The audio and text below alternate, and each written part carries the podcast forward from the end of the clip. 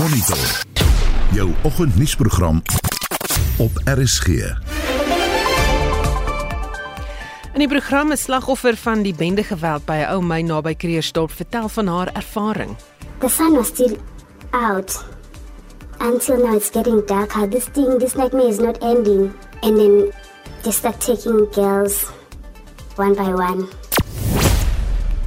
'n Staking in die staatsdiens lê dalk voor die deur. Daar is definitief 'n groot moontlikheid van 'n staking hierdie jaar, maar dit hang van die werkers van die staatsdiens. Op die oomblik word hulle gebel om hulle gevoelens uit te blyk of hulle nou staking wil hê of nie en dit hulle wat die besluite sal neem. En is nog nie seker presies wanneer Namakoland weer toe onder die blomme sal wees nie. Nou die beste tyd om die blomme te ervaar volgens vorige ervarings is op windstil sonnige dae wanneer die blomgesiggies oop is en hul gesiggies so vriendelik soos Namakwaland se mense vertoon. Welkom by Monitor, die redakteur is Hendrik Martin, die produksieregisseur Johan Pieterse en ek is Susan Paxton.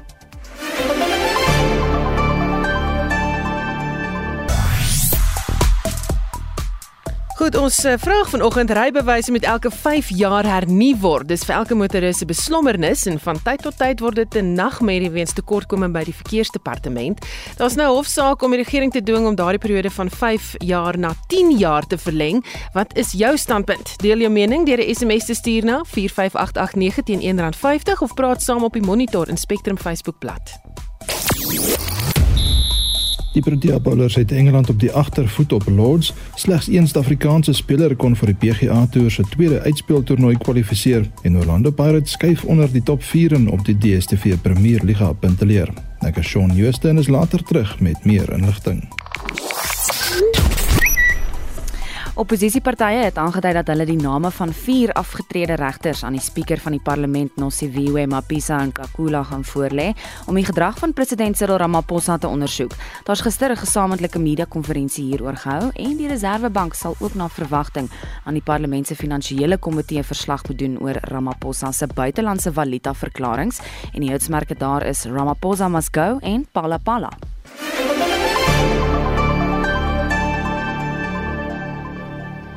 Dis nou 10 minute oor 6 jy luister na Monitor en die volgende bydra bevat besonderhede wat ontstellend vir luisteraars kan wees. Een van die slagoffers van die bendeverkrachting en roof wat by 'n verlate myn by Tekreersdorp plaasgevind het, het besluit om daaroor te praat. Meer as 80 verdagtes is na die voorval in hegtenis geneem. Sy was deel van die span wat die musiekvideo daardie dag opgeneem het. Hulle het van een toneel na die volgende, die mynhope, beweeg. The place is looking nice. Um and we are shooting a gospel song. Everything was just going well. The spirits are up. We're happy. And um, the last scene now, and as the director was about to say action, and then we see three guys coming from far approaching us. Terwyl hulle nog gewonder het wie die naderende mans was, is daar skielik skote in die lug geskiet. I look around. Everyone is running. And um if I'm running to the other direction, now it's no longer three. There's this three, and on the other side, on my left, there's like 15 guys. And I run to the other side, there's like more about maybe 12. So now we are surrounded, and they everyone is armed. All these guys are fully armed. They're instructing us to lie on the floor, keep our heads down. They're gonna kill us and they're speaking in Sutu. They have uh, those heads, paraclavas, some have their blankets. So they start searching us. They take the phones, they ask for money, and then after that, one of them um, said something, and then they were like they were going away. So I'm like, okay. And then one again also was like, you guys are leaving them. Let's go back as Babulal. Let's shoot them. Angsbevange het sy gehoop die gewapende mans vat net hulle besittings en vlug. Maar dit was nog nie die einde nie. So they come back now. I'm lying down and one comes. So now they're stripping everyone of the clothes they can. And now they're demanding car keys. So they take this one girl, they take them to the car. They search whatever they search, they couldn't find. The sun was still out. Until now it's getting darker. This thing, this nightmare is not ending. And then um, they start taking girls one by one and raping. And there's ditches there, so they take one girl and put her on the other ditch, and then they rape. And um, multiple of them, they didn't care. Sy het die hele tyd net aan haar kind gedink. One will come to you, it's follow me. And you hear this girl screaming and begging for their life. And then you know, Guti, something is not right here. Yeah, it was just scary. Na 'n tydperk van omtrent 10 ure het die verdagtes geloop. Een van die spanlede het 'n polisievoertuig daar naby gewaar en verklaringe is toe afgelê en 'n saak oopgemaak. Maar nou met die hofsaak voel die slagoffers dat hulle vergeet word. I know they've been arrested, that they've been made, but um, I feel like we are forgotten. No one is coming and checking on the victims that were there. Good, How, how are you guys holding up? Their food. What you need? It's so hard. Mental wellness, because I get anxious, I get palpitations, I don't sleep at night, and still I have to be strong for my child. Die slagoffers ontvang berading. Hierdie bydra van Pil Magubane. Ek is Jean Marie Verhoef vir SAK nuus. Die organisasie teen belastingmisbruik of Alta sê hy vrees dat die regering die geleentheid sal gebruik wanneer die brandstofprys daal om nog heffings in te stel. Ons praat met advokaat Stefanie Fik, die hoof van Alta se afdeling vir toerekenbaarheid. Goeiemôre Stefanie. Goeiemôre Susan. Het die regering dit al gedoen in die verlede? Ja, Ja, ek ek ek dink dis min of meer waar ons ehm um, gedagtes heen gegaan het toe ons nou besef maar ag dankie tog daar's mag dalk 'n vlugting wees vir vir motoriste. Ehm um, hier in die middel van van 2014 en die petrolprys ook van R14 gedaal na so om en by R10.31 as ek nou as ek nou reg kan onthou.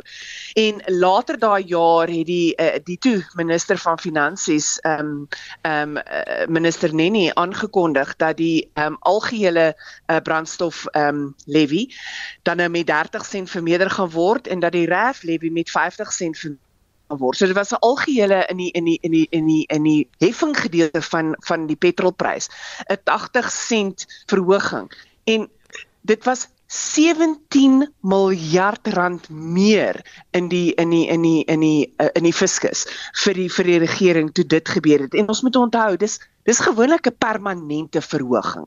Want ons sit vandag met heffings wat deel is van die algehele petrolprys wat uh, wat amper meer is as die uh, kom ons noem dit die petrolkomponent van die algehele mm, petrolprys. Hmm. Is dit dalk uh, hoekom wil hulle dit doen as 'n antwoord miskien op 'n etolprobleem? Ja, ons is bang hulle want hulle hulle soek na antwoorde alhoewel ons van mening is hulle hoef nie so hard te soek nie. Ek meen ehm um, ehm um, Sandra al kry al uh, vir 'n geruime tyd geld by die by die by die fiskus om dan nou die die die bonds te te te te te bedien wat vir vir die GFIP ehm um, opgradering. Ehm um, maar ja, hulle soek na stiglik vir eh, vir vir antwoorde vir vir vir etels en ons is bang as hulle as hulle net tussen ehm um, sê hulle sit net 25 tot 30 sent op hierdie op hierdie levy die die algehele ehm um, petrolheffing. Dan kyk jy na 5.5 biljoen rand ehm um, miljard rand ehm um, vir die fiskus en dit mag dalk vir hulle na 'n maklike uitkoms klink. Maar jy kan nou dink vir die arme motoris ehm um, uh, uh, dis net nog en nog en nog want as die die die die prys vir vir vir olie en en ons on ons wisselkoers weer opgaan, dan gaan die petrolprys weer op. Maar hierdie gaan nie So die minister van vervoer vir Kile en Balula het laas ges, laat gistermiddag gesê uh, mense moet ophou om hierdie valse stories te versprei. Lyk vir my as dit vir daar effe verloor as jy nog daar Stefanie. Nee, ek is nog hier. Ja, sê okay, was net so vinnig weg. Maar in geval die minister toe nou van vervoer wat gesê het moenie hierdie valse stories versprei nie. Dit is nie waar nie. Maar het julle enigstens 'n voeltjie oor vlei dat julle dat hulle so iets beplan dat julle hierdie vrees uitspreek? Ek ek dink tog as mens tussen die lyne gaan deurlees. Kyk, hulle het A het ehm um, ehm um, vir Kilian Lula aangekondig dat hy gaan uiteindelik, ek weet nou nie tot watter mate mense hom ehm um, regtig kan glo nie, maar uit, gesê uiteindelik gaan daar nou 'n nou antwoord wees op etels in Oktober en is dieselfde tyd wat die minister van finansies sy ehm um, ehm um, ehm um, budget speech moet gee. So as mens en en en ons weet dat die regering sukkel om nou in hulle in hulle gedagtes antwoord te kry vir vir vir vir etels. So dit is nou maar net ek ek om te vind ons is regtig ons is regtig bang dat die regering gaan dink dat dit is die enigste uitweg en alhoewel ons in die begin van die etol debakel gesê het as 'n jy sit 'n 'n klein bedragie op die petrol uh, op die op die petrolheffing dan on, klaar gewees het met met etels as hulle dit destyds gedoen het. Maar om dit nou te doen, gaan die arme motoris wat alreeds swaar trek, net nog swaarder laat trek. Die regering moet begin dink aan hoe hulle hulle geld spandeer en ophou eintlik om die arme belastingbetaler, die arme motoris net nog op te gooi en nog op te gooi. Baie dankie, dit was advokaat Stefanie Fik, die hoof van Alta se afdeling vir toerekenbaarheid. Vakbonde in die openbare sektor soos die staatsdiens gaan hulle lede vra of hulle 'n landwyse staking sal steun. So 'n groot staking in die openbare sektor het laas in 2010 plaasgevind toe skole en hospitale 20 dae lank lam gelê. Tony Ehrenreich, Kusatu se parlementsbeampte sê salarisonderhandelinge beweeg teen 'n slakke pas. Wel dit duidelik dat die eise van die werkers ondersteun word deur al die werkers en al die unie en op al die werksvlakke die aanbod wat die staat gemaak het aan publieke werkers was onaanvaar en dit hoekom hulle nou in 'n proses is van balloting om hulle voor te berei vir 'n staking teen die staat. Tony praat met ons oor die eise wat die vakbonde gemaak het. Wel ek dink op die minste moet daar 'n uh, inflasie verbonde verhoging wees. Want as werkers dan nou nie ten minste die inflasie verhoging kry nie, dan verdien hulle eintlik minder as wat hulle laas jaar verdien het en soos ons sien met stygende pryse op alle belangrike vlakke of dit nou kos is of 'n publieke vervoer en so aan lei dit tot die verarming van mense. So op die een hand wil mense basies hulle koopvermoë behou het wat laas jaar was en op die ander kant wil hulle seker maak dat hulle ook verbeterings kry in hulle lewe. En dit is spesifiek van meer belang vir daardie werkers wat die onderrang van die inkomste vlak is in die publieke diens.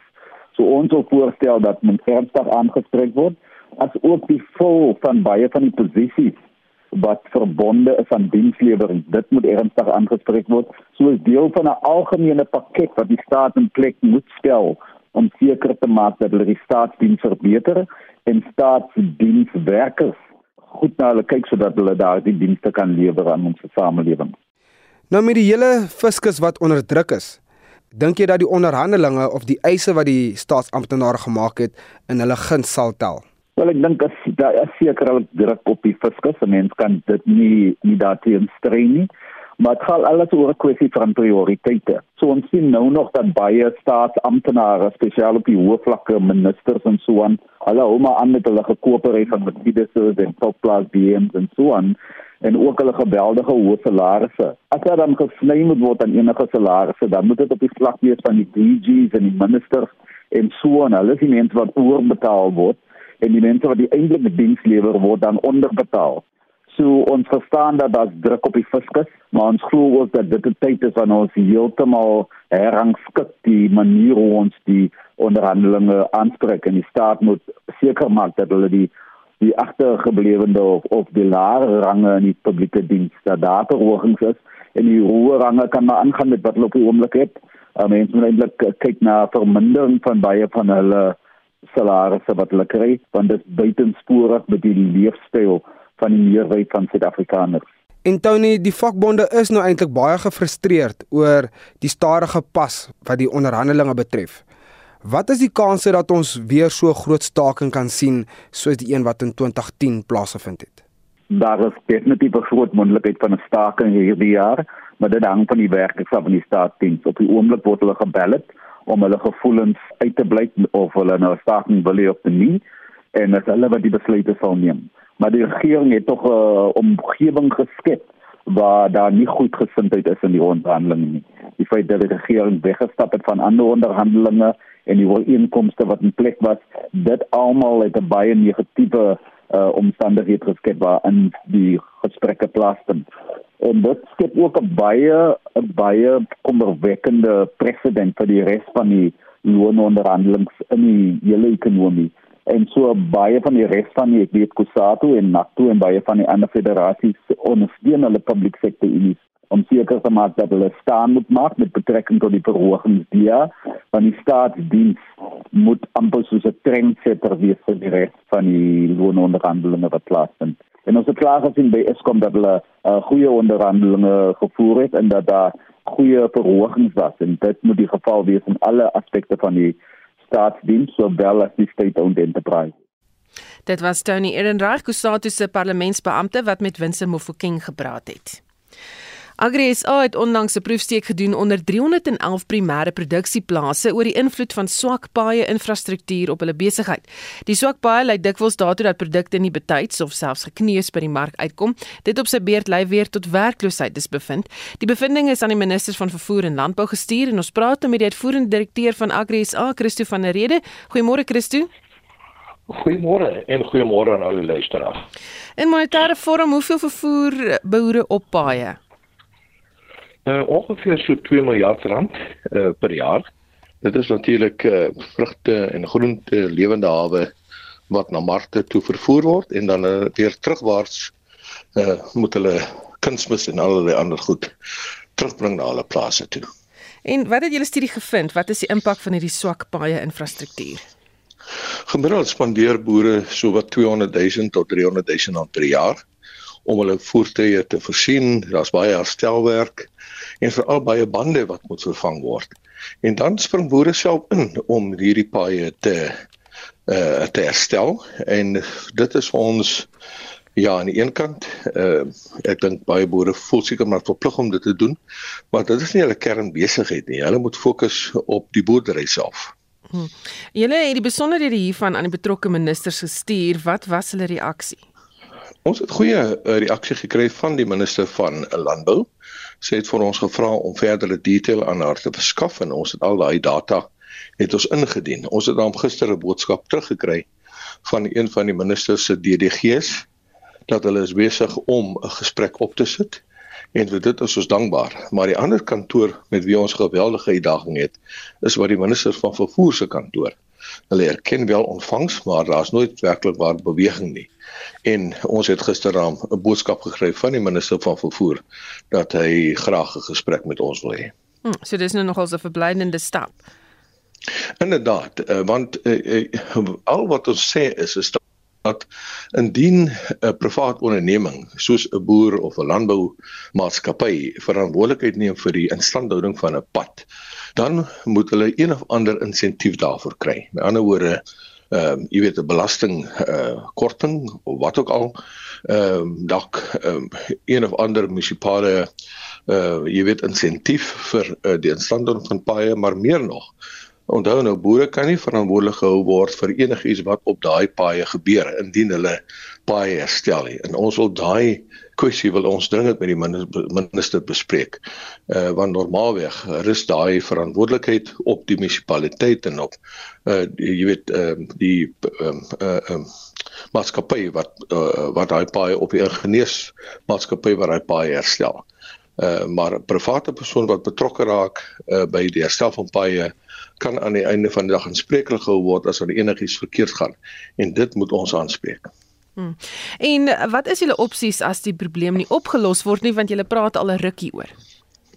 Kyk, ons gaan maar verdere druk op hulle plaas, nê. Nee? Ons het 'n baie groot uh, media veldtog vroeër in die jaar geloods. Ek weet TLU het ook uh, ingespring en ook hulle eie media veldtog begin loods.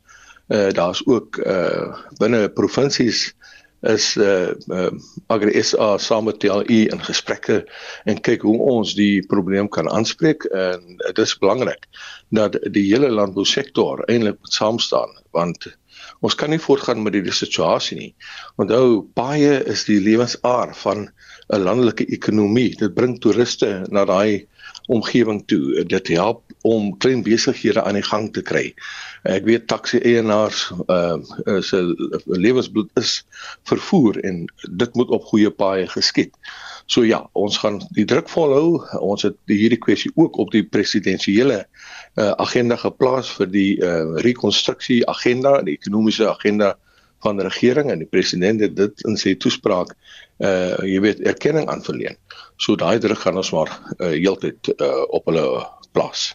Baie dankie. Dit was die uitvoerende direkteur van Agri SA, Christo van der Rede.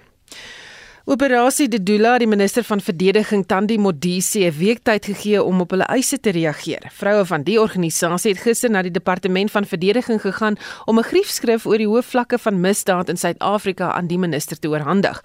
Volgens hulle kan net die weermag dit stopsit. Anne Marie Jansen van Vuren berig.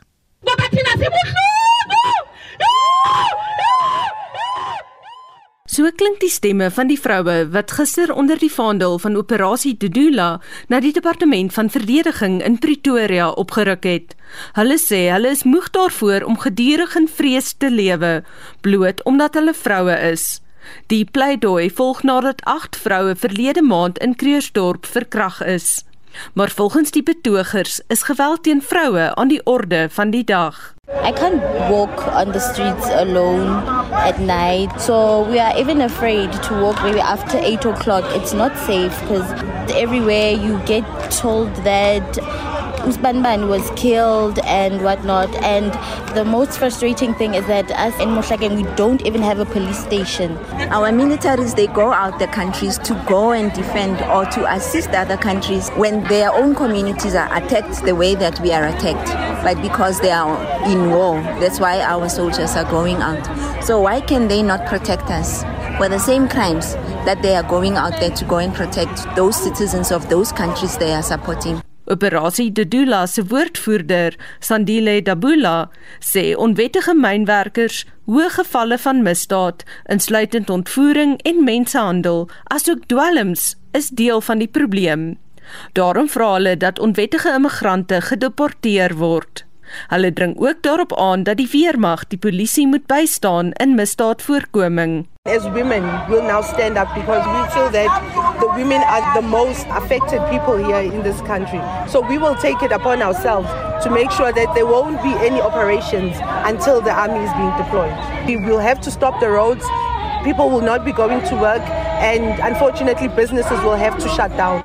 Volgens De Bula het hulle president Ramaphosa al sedert Mei gevra om 'n noodtoestand aan te kondig sodat die weermag die polisie kan bystaan.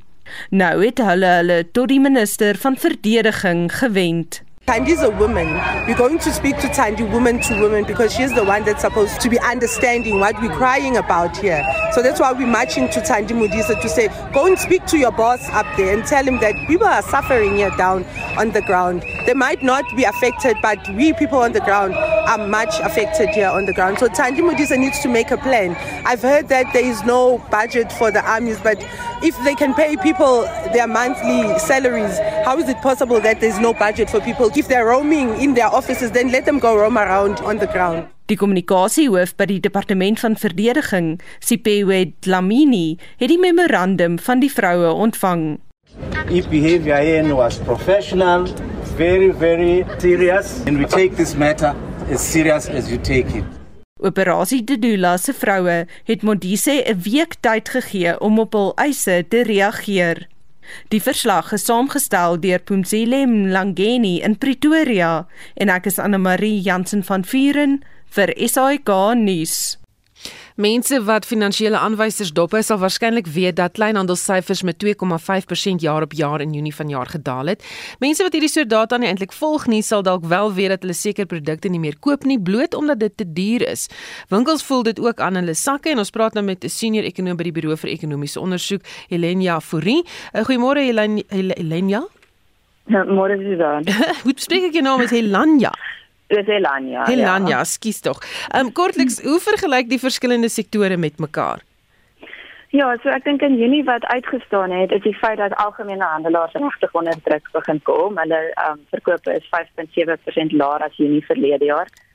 Ehm um, hardeware, verf en glas en ook ehm um, sleg, dis 'n tendens wat ons nou al die afgelope paar maande sien, ehm um, so met die einde van die van die inperking, dis 8.6% laer as verlede jaar. Maar 'n sektor wat aanhou goed doen, soos wat mense terug aan werk toe en weer sosiaal begin verkeer, is klere, skoene en tekstiele. Dit is 5.3% hoër. Um maar as mens die pakkie saam sien dan is dit genoem met in totaal is verkope af met 2.5%. Hmm. Wat 'n storie vertel dit vir jou as 'n ekonom? Wel, ek dink die data strook met wat mense sou verwag. Ons weet verbruikers is onder druk, hoë brandstofpryse, skerp stygings in voedselpryse oor rentekoerse en ook die feit dat die SRD toelaag um nie in Mei betaal is nie. Dit dit sit verbruikers onder druk en knyp hulle sak. Um verbruiksbesteding is 'n belangrike komponent van die BBP en van ekonomiese groei. So wanneer dit verstadig, verwag ons dat daar dalk 'n bietjie van 'n verstadiging in ekonomiese groei ook kan wees. Um ons verwagting is dat hierdie druk waarskynlik gaan voortduur gedurende die derde kwartaal um en dat inflasie eers 'n bietjie gaan moet begin daal voordat voordat mense weer geld gaan hê om op um kleinhandel te spandeer soos wat hulle in die verlede gedoen het of in dieselfde mate as waarin hulle in die verlede gedoen het. So waarskynlik gaan dit groei uh, bietjie negatief afekteer in die um in die afsienbare toekoms. Hmm. As die brandstofprys daal, kan dit uh, dalk help om mense uh, toegang te gee tot spandering. Um dit sal beslis, dit is 'n groot um komponent van inflasie. So as die brandstofprys daal, dan kom inflasie 'n bietjie af en dit um vir hoog of vermeerder dan weer mense se reële besteedbare inkomste. Um so dit mag 'n rol speel ek dink wanneer die effek van die hoë rentekoerse begin inskop en um ja, dit dit ook bydra tot laer inflasie, dan help dit ook die situasie aan. Ehm um, die SRD toelaag sal in as ek reg, as ek net oor die reg het in Augustus um, uitbetaal word vir die mis die, die gemiste toelaag wat vroeër die jaar plaasgevind het. So dit sal ook weer 'n bietjie ekstra geld in mense se sakke sit. Ehm um, in diensname lyk asof dit effens begin opvang, maar ons almal weet die werkloosheidskoers is steeds ehm um, wel verskriklik laag. Um, so daar is goed wat tog die kostestygings 'n bietjie kan teenwerk. Um of of eerder die laer besteding 'n bietjie kan teenwerk, maar ek vermoed dat ja, die die die druk vir onder vir onder verbruikers is nog regtig gaan voortduur. Baie dankie, dit was 'n senior ekonom by die Buro vir Ekonomiese Ondersoek, Ilanya Fourie. Jy luister na Monitor. Elke weekoggend tussen 6 en 7. Die departement van Justisie en Korrektiewe Dienste voer aan dat die wet op betreding in sy huidige formaat sy betekeniswaarde in die demokratiese bestel verloor het en die president van Oekraïne, Volodymyr Zelensky, sê pogings is aan die gang om kernkraginspekteurs na die Russiese besette Zaporizhzhia kernkragaanleg te stuur. Bly ingeskakel. Daar is geen verkeer. Goed, nog nie regtig groot probleme op die paai nie behalwe ek het vir my in Pretoria bus daar by die N14 en die UV se kruising. Is die verkeersligte buite werking as gevolg van 'n kragonderbreking. Daar is pins manne wat op diens is wat die keer of die verkeer eerder daar reguleer en nog so 'n soortgelyke situasie op die N3 Suid en Londen wegkruising ook as gevolg van verkeersligte wat daar buite werking is. Stuur nog verkeersnuus na 45889 SMS se kos R1.50.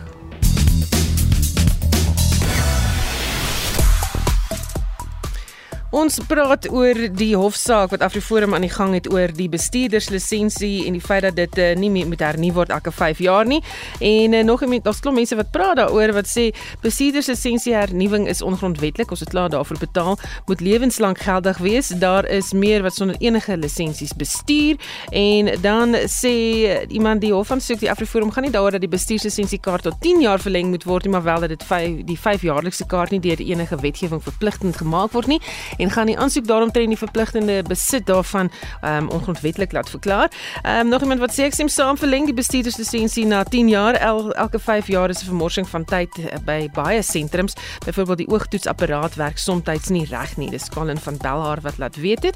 Ehm um, en dan sê iemand wat sê dis op beslis beter wees om net elke 10 jaar motorlisensies te toets. Die mens uh, mense kan in elk geval nie ehm um, nou die hoeveelheid eh, of hoeveelhede eerder behartig nie.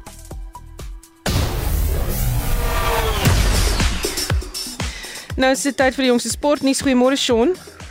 Goeiemôre Susan. Die eerste van 3 toetse tussen Engeland en Suid-Afrika het gister op Lords begin. Hoe staan sake aan die einde van dag 1?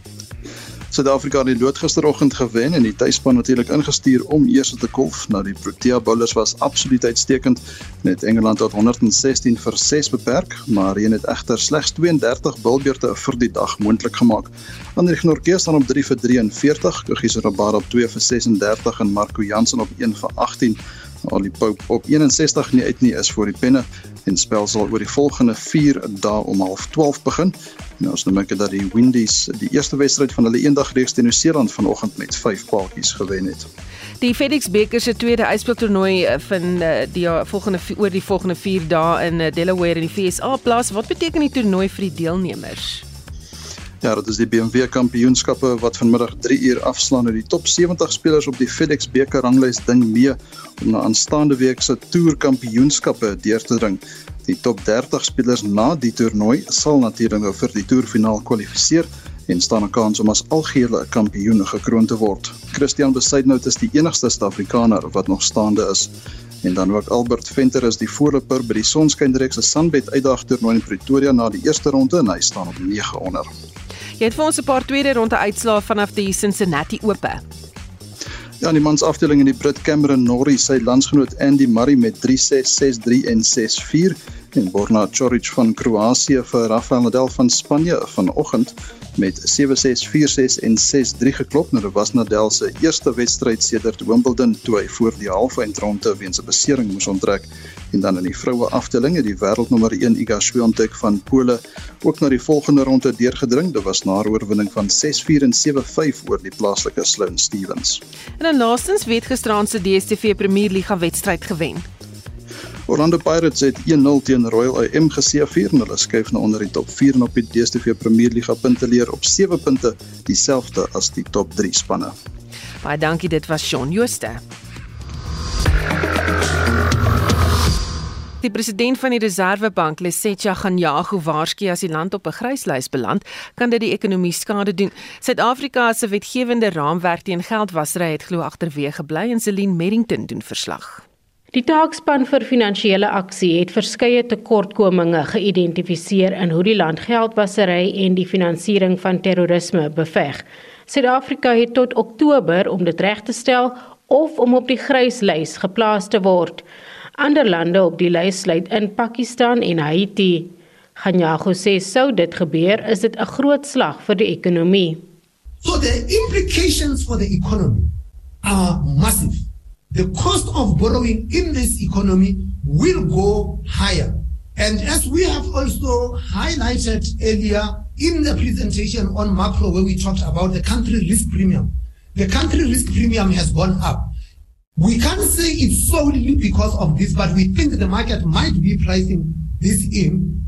And when the grey listing takes place, those who didn't think will take place will also increase their the premium that they ask of South Africa. So the implications for the economy then is going to come through access to international capital and the cost of accessing that international capital. And I think that it's important that as South Africans that we treat this with the seriousness that it deserves and prioritize it Voordat die vergadering kon begin, het die EFF hoofsweep Floyd Shibambu daarop aangedring dat Ganyago vra moet beantwoord oor of 'n ondersoek geloods is na die moontlike oortreding van buitelandse valuta regulasies. Dit hou verband met beweringe dat Amerikaanse dollar 2 jaar gelede by president Cyril Ramaphosa se Palapala plaas gesteel is. Did you do anything about a prima facie violation of foreign currency regulations? We're not asking for a comment from you. We're asking for accountability. You have got an obligation. It doesn't matter how you feel personally, whether you want to protect the sitting president or not, but you have got an obligation to respond to Parliament truthfully if you are doing something or not. Maar vir nou, sê Ganyago, kan hy nie antwoord nie. Once we get uh, any report of any possible violations of uh, foreign exchange control regulations, we engage with the particular party, and it is practice that we do not comment on any of our investigations because we do not want to undermine the investigations. Dit was die hoof van die Reservebank, Lesetja Ganyago, Zelin Merrington, Parlement. Nuus uit die buiteland: 3 mense is dood na ontploffing by 'n moskee in Afghanistan se hoofstad Kabul en Jomari gee vir ons meer besonderhede daaroor. Tientalle mense, insluitend verskeie kinders, is in die ontploffing gewond. Dis in hierdie stadium onduidelik wie vir die aanval verantwoordelik is, maar dit volg egter sowat 'n week nadat 'n prominente pro-Taliban geestelike in 'n selfdoodbomontploffing ook in Kabul dood is. Die Islamitiese staat het verantwoordelikheid vir daardie aanval aanval aanvaar en hier is die BBC verslaggewer Over the past year, the Islamic State group has emerged as the most potent enemy of the Taliban. The emergency hospital said that up until now, they've received more than 2,000 people injured by bullets and explosives, and of that terrible toll, more than 400 are children. Dan sê Oekraïne se president Volodymyr Zelensky dat pogings aangewend word om atoomenergie-inspekteurs van die Verenigde Nasies na die Russiese besette Zaporizhzhia kernkragsentrale te stuur. Dis reg en dit na die dood van ten minste nog 6 mense in die omgewing. Oekraïense amptenare waarsku dat die risiko vir 'n ramp by die fasiliteit al hoe hoër word. Noodwerkers is onder meer besig met oefeninge om radioaktiewe besoedeling op te ruim en Herman Halushenko is Oekraïne se minister van eh, energie We see that the situation from the when they start sharing from the 5th of, of August, it, it's changed dramatically. And of course, we are concerned. That's why we are here. That's why we created this group. That's why we are involved in everyday communication with this. And we speak to our international partners also. En laasens indien luisteraars dit nie vroeër in die nuus gehoor het nie, wat is die jongste uit Sri Lanka? Wel, die voormalige president van Sri Lanka, Gotabaya Rajapaksa, gaan glo op 24 Augustus terugkeer na Sri Lanka. Rajapaksa het die land in Julie verlaat en na Maleisië en toe Singapore gevlug en hy bevind hom tans in Thailand. Dit volg op maandelange betogings teen sy regering en die algemene ekonomiese verval in Sri Lanka. Hy het uit Singapore bedank en het sedertdien as hy nog nie weer in die openbaar gesien sien nie. En dit was Jamie Verhoef met 'n oorsig van internasionale nuusgebeure. Die aanvanklike rede hoekom rybewyse nou elke 5 jaar hernu moet word, is glo omdat die materiaal waarvan die kaarte vervaardig is nie langer as 5 jaar sou hou nie. Dit is nou volgens hofdokumente in die saak tussen Afriforum en die minister van vervoer. Ons praat nou met Afriforum se veldtogbeampte vir strategie en inhoud, Reinier Dievenage. Goeiemôre Reinier. Uh, goeiemôre Susan en goeiemôre aan die luisteraars. Wat sê die hofdokumente wat minister Fikile Mbalula aangedien het? Ja, Susan, ons het nou die hofdokumente gekry uit ons uh, regsaansoek wat ons vroeër jaar geloods het. Uh wat die dokumente sê is dat die bestuur die rede vir die hernuwing van die hernuwingstydperk van 5 jaar is bloot hoofsaaklik omdat die mat, fisiese materiaal van die lisensiekaartjies blykbaar na bewering nie langer as 5 jaar kan hou nie. Nou my vraag aan die aan die minister en aan die departement van vervoer sal wees, hoe kry ander lande dit dan reg om lisensiekaartjies te druk wat langer as 5 jaar kan hou, die materiaal van die kaartjies? Dit is die groot vraag en sekerlik uh, is dit 'n irrasionele en 'n onvoldoende verduideliking vir uh, die 5 jaar hernuwingstydperk. Is daar ander redes wat vir die halvering van die hernuwingstydperk aangevoer word? Uh wel dit handel nie oor die die die die halvering van die hernuwingstydperk. Kyk, ons aansoek vra dat die hernuwingstydperk as geheel eintlik geskraap moet word. Ons sê dat die wet self sê dat lisensiekaartjies, bestuurslisensiekaartjies onbeperk geldig is en dat die minister sy bevoegdheid gebruik het om 'n regulasie uh, in plek te stel wat dan voorgee om hierdie 5 jaar lisensie ehm um, tydperk, die hernuwing tydperk dan voor te skryf. Ons sê dan dis ons regsargument is dus dat uh, bestuurslisensiekaartjies onbeperk geldig is. Nou ons weet ook dat die minister onlangs uh, gesê dat die departement oorweeg om die lisensie hernuwingstydperk van 5 jaar na 10 jaar te verleng. Nou dit sal al reeds verligting bring vir mense alhoewel ons uh, wil hê dat die hof die minister verplig om hierdie tydperk uh, geheel en al te skrap.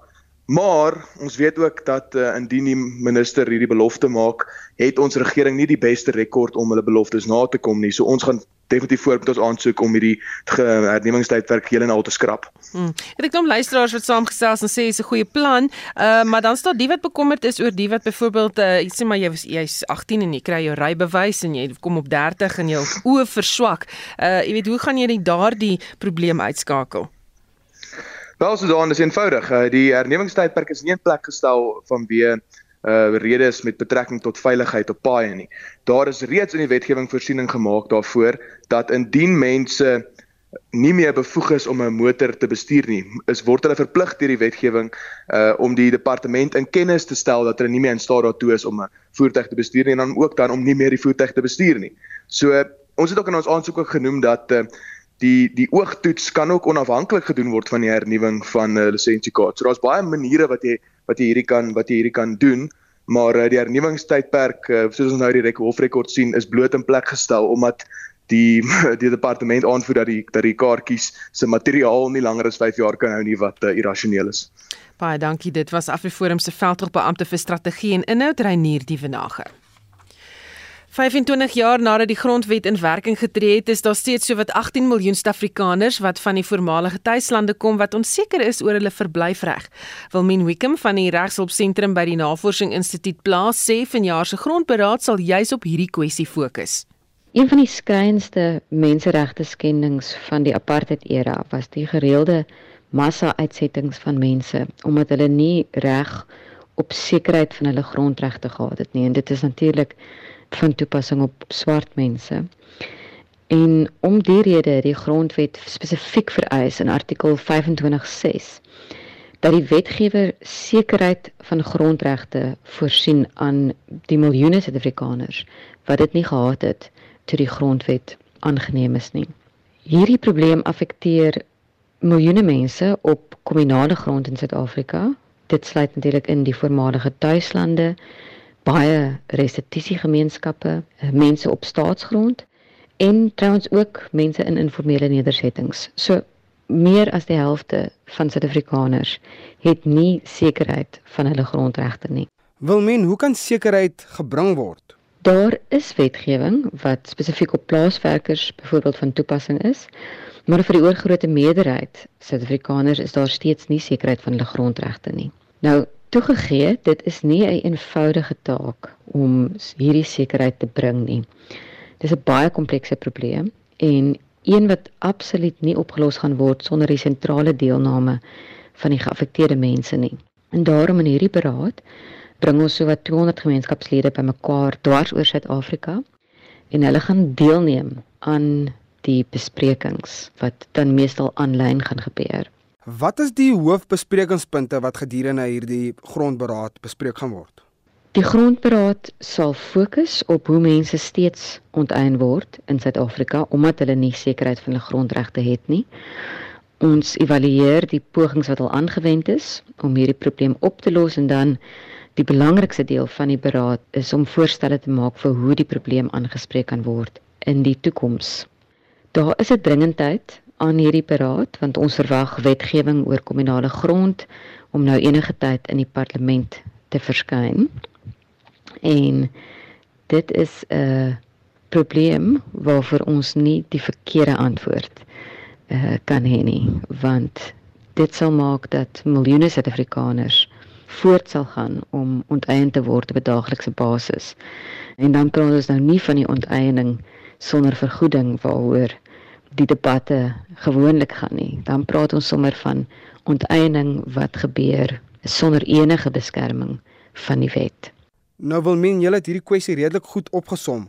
Maar wat is julle voorstelle in verband met sekuriteit in mense se verblyfreg veral as ons praat van kommunale grond in die voormalige tuislande? Wat die kommunale grond betref in die voormalige tuislande, is die vrees dat die wetgewing wat binnekort in die parlement gaan verskyn dat dit eienaarskap gaan oordra aan die gemeenskappe maar dat daai eienaarskap in werklikheid gaan sit by die tradisionele rade en die tradisionele hoofde. Ondervinding in die laaste 20 jaar waar baie tradisionele rade in elk geval opgetree het asof hulle reeds die eienaars was, was dat die individue, individuele lede van hierdie gemeenskappe se regte totaal ondermyn is en dat dit dikwels nie tot voordeel lei van die individuele lede van die gemeenskap nie. En dus wat by die konferensie bespreek word is die moontlikheid om liewer seker te maak dat sekerheid van grondregte nie op 'n gemeenskapsvlak vasgemaak word nie. Dus dat dit nie een gemeenskap is met een titelakte nie, maar dat daar 'n manier gevind word waarop die lede van die gemeenskap se so grondregte vasgemaak word. Nou dis 'n ingewikkelde vraag want mense kan nie op kommunale grond titelaktes vir elke lid van die gemeenskap uitdeel nie om verskeie redes. Maar dit beteken nie dat ons nie maniere kan vind om die grondregte van individue op 'n gemeenskapsgrond te kan vasmaak nie. Dit is eintlik skriwend dat ons vandag in 2022 nog verwag van uh, lede van gemeenskappe op kommunale grond dat hulle hulle grondregte moet oorgee aan 'n tradisionele raad om besluite daar te maak waar hulle dikwels geen insig het nie. Dis iets wat ondenkbaar sou wees vir die meeste Suid-Afrikaners met vaste grondregte, met byvoorbeeld titelaktes, dat jy daai tipe reg eenvoudig moet oorgee aan 'n autoriteit. En dit was Wilmien Wickham van die Regsop Sentrum by die Instituut vir Armoedegrond en Argaïse of Argegrasie Studies of terwyl plaas. Sy het met Vincent Mofokeng gepraat die beraad vind tot Vrydag plaas. Nou Makoland gaan die jaar glo asemrowend lyk onder sy blomme kombers. Sandparke 'n Genevieve Maasdorp sê die blomme het effe laat begin blom die jaar, maar die goeie nuus is, is dat die blomme dan tot einde September sal aanhou blom. Die blomme by Namakwa Nasionale Park het uiteindelik besluit om hul skagterheid af te skud en hul verskynheid te maak. Na verwagting behoort dit na volgende week as 'n rowende gesig te wees omdat dit hierdie week nog 'n klein bietjie koud en reënerig is. Ons algehele reënval binne die park was baie goed. Dit was net 'n klein bietjie later en versprei en dit het daartoe gelei dat die blomme bietjie later as voorheen hulle verskyning gemaak het. Die weervoorspelling vir Augustus by Namakwa Nasionale Park is nog effens koelerig en nie so 'n goeie tyd om die blomme te sien nie. Dit beteken egter dat die blomme baie langer en later sal blom en dit sal verseker weer iets wees om beslis te kom aanskou. Nou hierdie oor die 3000 spesies wat gesien kan word binne die park is almal endemies en is baie afhanklik van die weer. Dit is dus baie moeilik om voorspellings te maak en te sê hoe lank of tot wanneer die blomme op hul beste gaan wees, aangesien dit alles afhang van die weeromstandighede. Reënval, koue, wind en ryp speel 'n baie groot rol in dit. Nou die beste tyd om die blomme te ervaar volgens vorige ervarings is op windstil sonnige dae wanneer die blomgesiggies oop is en hul gesiggies so vriendelik soos Namakwaland se mense vertoon. In Namakwa Nasionale Park het al vanaf 1 Augustus 2022 tot gister 16 Augustus 2022 891 besoekers in die park gehad. En Suid-Afrikaanse nasionale parke is gereed om almal vriendelik te ontvang en beslisse onvergeetlike ondervinding te bied. Vir verdere navrae oor die blomme en wanneer dit die beslis die beste tyd sal wees om te kom, skakel gerus na Makwa Nasionale Park direk was die woordvoerder van Sandparke Genevieve Maasdorp. Nou vra Barry, hoe is dit moontlik dat die ID-kaarte nie hou nie? Waarom dan nie dieselfde materiaal gebruik nie? En uh, dan sê nog iemand wat sê, dis sê nie wat sê ID-kaarte hou langer as 5 jaar definitief. En iemand wat sê om die lisensiekaart te verleng is goed, maar wat van ons wat elke 2 jaar dit op ons PDP moet hernie? Hulle behoort dit ook te verleng na minstens 5 jaar. En dis van jou reaksie wat jy gestuur het op ons vraag vanoggend Cecilia Steenberg wat sê ek stem as jy eers kan bestuur met die lisensie leeftyd hou vanaf 75 jaar toets o en dit is al sê sy. Nou ja, Ramaphosa Moscow en Palapala steeds heel bo aan Twitter se lys van veelbesproke onderwerpe. Opposisiepartye het gister tydens 'n gesamentlike media-konferensie aangedui dat hulle die name van vier afgetrede regters aan die spreker van die parlement, Nosiviwe Mapisa en Kakula gaan voorlê om die gedrag van president Cyril Ramaphosa te ondersoek. Stories wat ons gaan dophou daar. Ek sien nog klomp terugvoer hierso op die Monitor Spectrum Facebook bladsy ook oor ons vraag oor die rybewys uh, lisensie. Ehm um, Ellen Diedriks wat sê rybewys behoort vir al behoort eerder vir altyd geldig te wees. Dit sou dit eers was. Mense raak nie skielik na 5 of 10 jaar onkapabel om te bestuur nie. En Philip de Wit, ek stem saam, dieselfde met vier wapen lisensies as jy een het waarvoor 'n hernuwing. En Julian Foster Ellis wat sê 10 jaar, dan is 10 jaar 'n goeie tydperk om sommer hulle data ook weer op te dateer. En uh, ehm um, Sherry Pretorius, ek sê dit moeg vir al die lisensies, lisensies vir die kar, lisensies om te kan bestuur, lisensies vir 'n vuurwapen, lisensies om jou televisie te kan hê, betaal ons nie genoeg belasting nie. Uh hoe minder mense het, hoe beter af is mens eintlik, sê sy. En nog iemand Elise Bester Rudolf wat sê, hoekom eerstens hernie, dis 'n geldmaak storie mens verleer mos nie hoe om te bestuur intussen nie. En Reine Foreen se Babbe is daar niks periode van 5 jaar nie. Hulle lisensies is lewenslank. Regering kan dus gerus dit hier ook implementeer weer en ehm um, Annetjie Lloyd wat sê ek stem nie saam nie jare terug as jy jou rybewys gekry het was daar nie weer 'n hernuwing gewees nie. Dis net 'n geld maak storie hier. Vir wie se sakke? Die regering maak dit eenmalig en nie hernubaar nie, dan kan almal daarbey baat. Jy kan steeds saamgesels op die SMS-lyn of selfs op ons Monitor en Spectrum Facebookblad. Dit was Monitor met uitvoerende regisseur Nicoline de Weer, redakteur Hendrik Martin, ons produksieregisseur is Johan Pieterse. Môreoggend is Udo Karelse terug. En dis in my naam is Susan Paxton. Geniet jou oggend.